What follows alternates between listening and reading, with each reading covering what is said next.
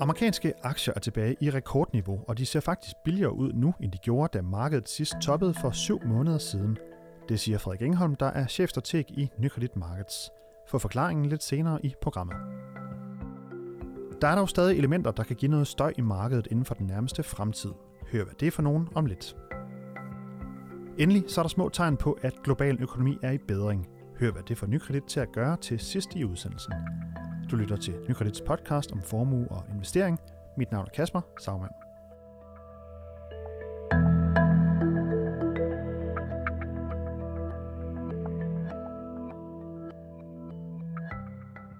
Det brede amerikanske aktieindeks S&P 500, der som navnet antyder dækker over 500 amerikanske virksomheder, og det er altså mange af de største som Apple og General Electric og Bank of America osv., øh, sundhedsvirksomheder og er også med der. Det er lukket mandag i det højeste niveau nogensinde. Den hidtidige rekord, det var den 26. januar i år, inden markedet som kendt tog et dyk på godt 10 procent. Hvad er årsagen til, at markedet nu er tilbage på en ny top her syv måneder efter, og er det holdbart den her gang? Det er noget af det, vi kigger lidt på i podcasten i dag. Derfor kan jeg byde velkommen til dig, Frederik Engholm. Tak skal du have. Chefstrateg i Nykredit Market. Så Frederik, vi ser jo altså, at amerikanske aktier er tilbage på øh, et rekordniveau, lukkede de i mandag, så faldt en lille smule i går øh, tirsdag, men, øh, men vi er så helt øh, op, vi er tilbage igen, kan man sige. er det holdbart den her gang, eller kan vi forvente, at der kommer et nyt sådan 10% fald igen inden så længe?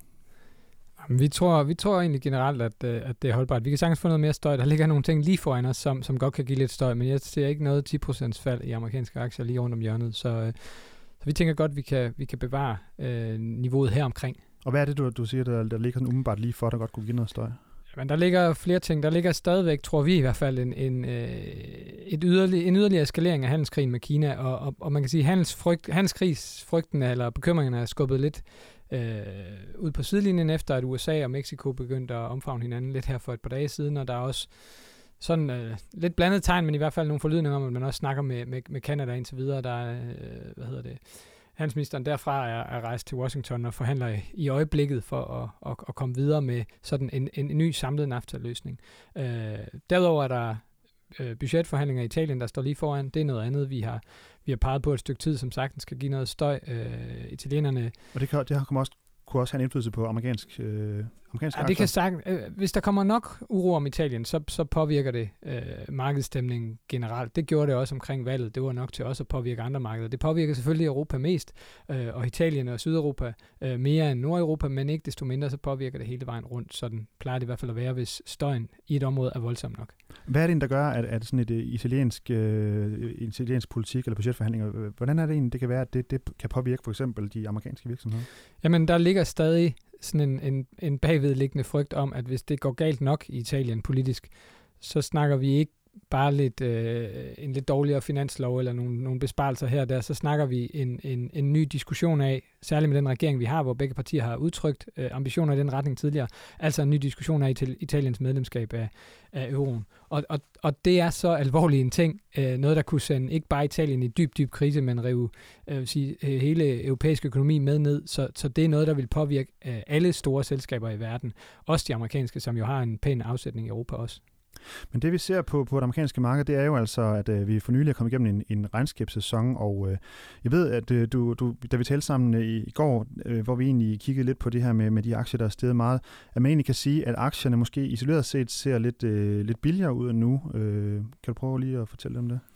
Jamen, det der er sket er jo faktisk, at vi har gået i, i øh, ja, 7-8 måneder og, øh, og oplevet en, en kursudvikling, der har været er den mere eller mindre flad. Vi har først nu overhalet øh, rekorden fra den gang, og hvis vi kigger uden for USA, så har det faktisk været endnu mere øh, dystert.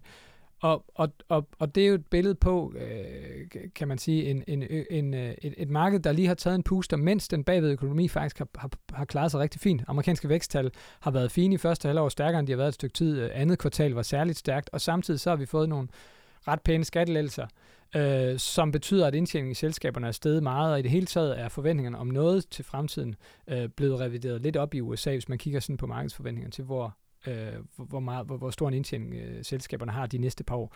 Og det betyder, når vi kigger på det nøgletal, som mange kigger på, altså PE-niveau og pris i forhold til indtjening, og tit kigger man indtjeningen det næste år fremad, altså i stedet for det, det, det man har, øh, det man allerede ved, så, så, ser, så ser den, øh, det forhold mere attraktivt ud, end det gjorde før, fordi priserne simpelthen har stået stille, mens indtjeningen er steget. Det gør altså samlet set, at, at, at aktierne er blevet billigere.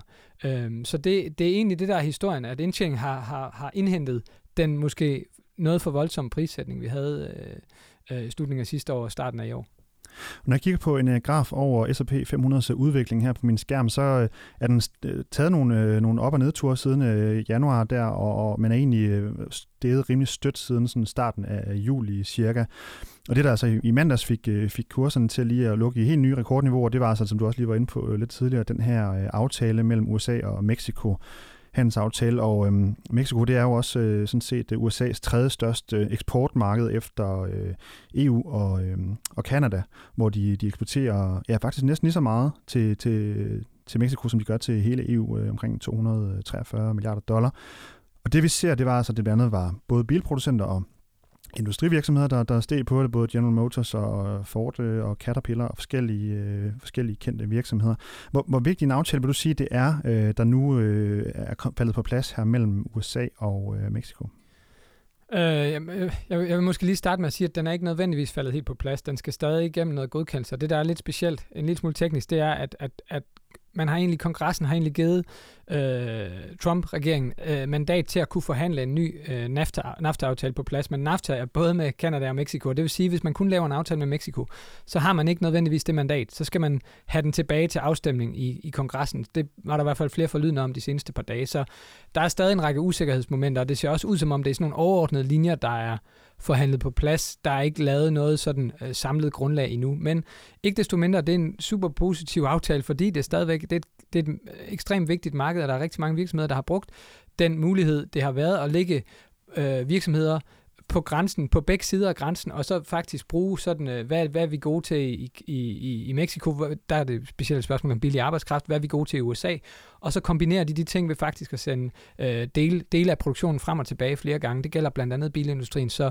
så for specielt øh, mange øh, industrivirksomheder, specielt inden for bilindustrien, har det været meget brugt at have en del af produktionen i, i Mexico, så det her med at have en, en god handelsaftale der, og ikke lige pludselig skal til at tolbelægge det setup, man har lavet, og hvor man jo har lagt fabrikker forskellige steder øh, og, og investeret derefter, øh, det er meget afgørende for, for de her selskaber, og derfor det løfter optimismen.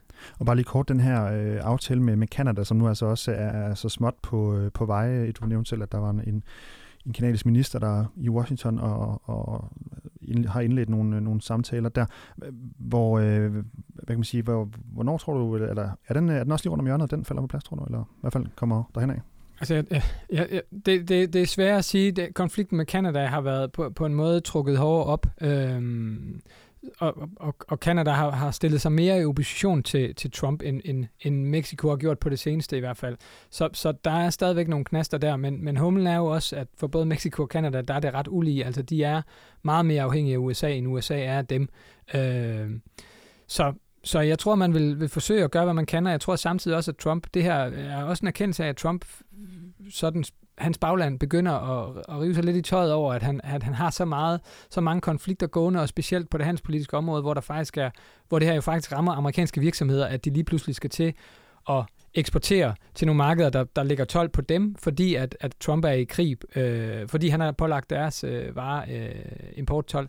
Og, øh, og det gælder egentlig også amerikanske producenter, der, der, der gerne vil købe nogle, nogle reservedele eller nogle dele til produktionen fra udlandet, de bliver jo også, de får også et højere omkostningsniveau og får dermed svære ved at klare sig i konkurrencen. Så jeg tror, at det her pres fra hans eget bagland og fra specielt øh, industriorganisationer begynder at, at sætte sig i nogle af de resultater, der er.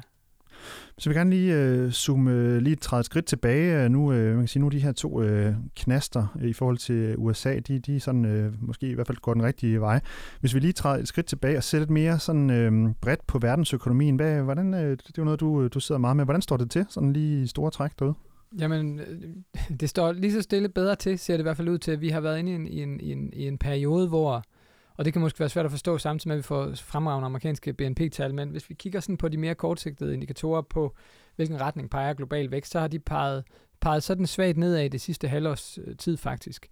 Trukket især af Europa og, og Japan her på det seneste, lidt ned af Kina og, og emerging markets, altså udviklingslandene også, øh, hvor USA har sådan lidt i højere grad holdt, holdt skinnet på næsen generelt over det sidste halvårs tid. Men det betyder altså, at hvis vi sådan kigger på, et overordnet billede på, hvordan øh, global vækst ser ud, så har det den tabt lidt luft fra et ret stærkt niveau, skal man også huske på.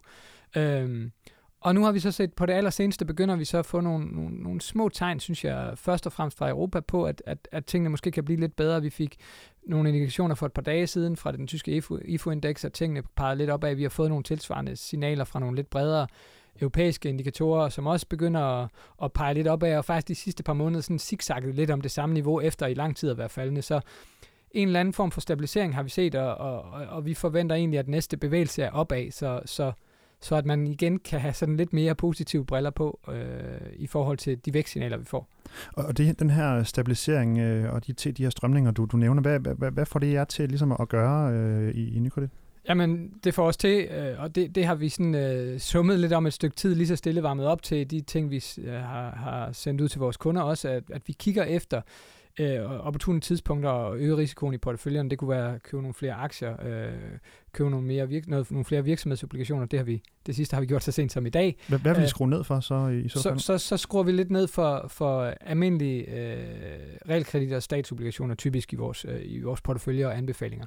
Øh, så det er en måde sådan at, at øge risikoen i porteføljerne på, kan man sige, og, og, og være klædt på til, at hvis vi kommer ind i en periode, hvor optimismen i markedet er lidt højere, så vil vi have nogle typer af aktiver, der giver lidt højere afkast. Og det samme, hvis jeg lige skal brede den lidt ud, kigger vi efter. Vi har ikke, vi har ikke øh, gennemført det hele, men vi kigger efter, øh, overvejer, hvornår det vil være opportunt, også inden for aktier for eksempel, at dreje øh, vores anbefalinger i en lidt mere kan man sige, sådan, øh, cyklisk retning. Det vil altså igen sige, øh, have lidt flere af den slags sektorer eller regioner på, der, der typisk klarer sig godt, når pilen på global økonomi peger opad, og når folk i det hele taget, når markedsstemningen i det hele taget er lidt mere optimistisk. Og her til sidst, øh, Frederik, jeg ved, du skal i børsen play her lige om lidt. Vi kan nok lige nå et sidste spørgsmål. Øh, bare lige sådan en, en, den næste sådan større ting, du øh, holder øje med sådan på den globale scene i forhold til øh, markederne. Hvad, er, der sådan en enkelt, er der nogen, en enkeltstående begivenhed, eller sådan et øh, nøgletal, eller hvad, hvad kunne det være? Hvad er det næste store, du holder øje med? Jamen, Italien er for mig at se den, den store sten i skoen på kort sigt. Øh, det er det er stadigvæk en, en, en regering, der er dannet af nogle uprøvede kræfter, der er vant til at stå og være virkelig, virkelig markant oppositionsfløjparti, der står helt ude og, og kan tillade sig at være mere skinger i retorikken og sige øh, nogle mere ekstreme ting, fordi de som regel ikke er særlig tæt på indflydelse. Så man kan bedre øh, lufte sine idéer mere frit. Nu sidder de med magten, og, og med det også øh, midt i orkanens øje, og de ting, de siger, bliver taget alvorligt og bliver lyst op i et øh, globale medier lige med det samme. Og det er altså de her folk, der, der, der skal prøve at lande et budget. Øh, de har de to regeringspartier, Lega og Femstjernebevægelsen, har vidt forskellige idéer. Den ene er faktisk sådan mere, vil gerne have, have noget, der ligner borgerløn, og de andre vil gerne have, have lavere skatter, så, så man kan sige over hele linjen, også for de højt øh, lønnede. Så man kan sige, de kommer egentlig både for, sådan, øh, halvvejs både fra venstre og højrefløjen, og, og så er der den her problematik med, at de jo i en budgetsituation også skal holde sig inden for nogle EU-grænser, som som gør, at den her, den her skinger retorik omkring EU-medlemskab, euro-medlemskab igen kan komme i spil. Så, så der er noget der, der sagtens kan skabes øh, noget turbulens i markedet. Og er der en, sådan en, en specifik dato eller uge, man, man der ligesom er, er i fokus der? Om øh, to uger, øh, sådan more or less, øh, 10. 11. september vender, vender, vender øh, parlamentet tilbage fra sommerferie, og derfra begynder man sådan for alvor forhandlingerne. Der er allerede selvfølgelig, som der altid er politikere, er vel i et eller andet omfang på arbejde hele tiden, ikke mindst ministre. Øh, så der er allerede, kan man sige, sådan nogle, nogle gissninger om, hvad de gerne vil, men der begynder forhandlingerne for alvor, og i slutningen af september, der skal der ligge en økonomisk redegørelse, der skal der ligge, øh, der skal der øh, et, et, et par uger efter, skal der ligge et, øh, et, et, et udkast til EU, som de skal kigge på, og, og der vil vi altså have, i løbet af, af den periode op til det, vil vi få nogle signaler om, hvad for en vej har man tænkt sig at gå, hvor aggressiv har man tænkt sig at være i at opfylde nogle valgløfter, som er svære at få til at hænge sammen med de budgetbegrænsninger, EU stiller. Så den næste måned, halvandet, vil vi, tror jeg, vi vil komme til at se, at Italien vil fylde noget, og så må vi se, om de vælger den pragmatiske vej og får dæmpet bekymringer om Italien, eller om vi skal have ny øh, støj, der øh, både omkring europæiske, men også måske globale øh, aktier, der bunder i bekymringer om Italien. Det kommer vi til at følge op på senere her i podcasten, når vi ved lidt mere. Tak fordi du kom i hvert fald, Frederik Ingholm, og gav os indblik i, hvad der, hvad der sker derude. Selv tak. Det var Frederik Ingholm, som er chefstrateg i Nykredit Markets. Du har lyttet til Nykredits podcast om formue og investering. Du kan følge os hver uge på øh, iTunes, SoundCloud, Stitcher og TuneIn, og hvis du har idéer til emner, vi skal tage op i podcasten, kan du sende en mail til podcast Tak fordi du lyttede med.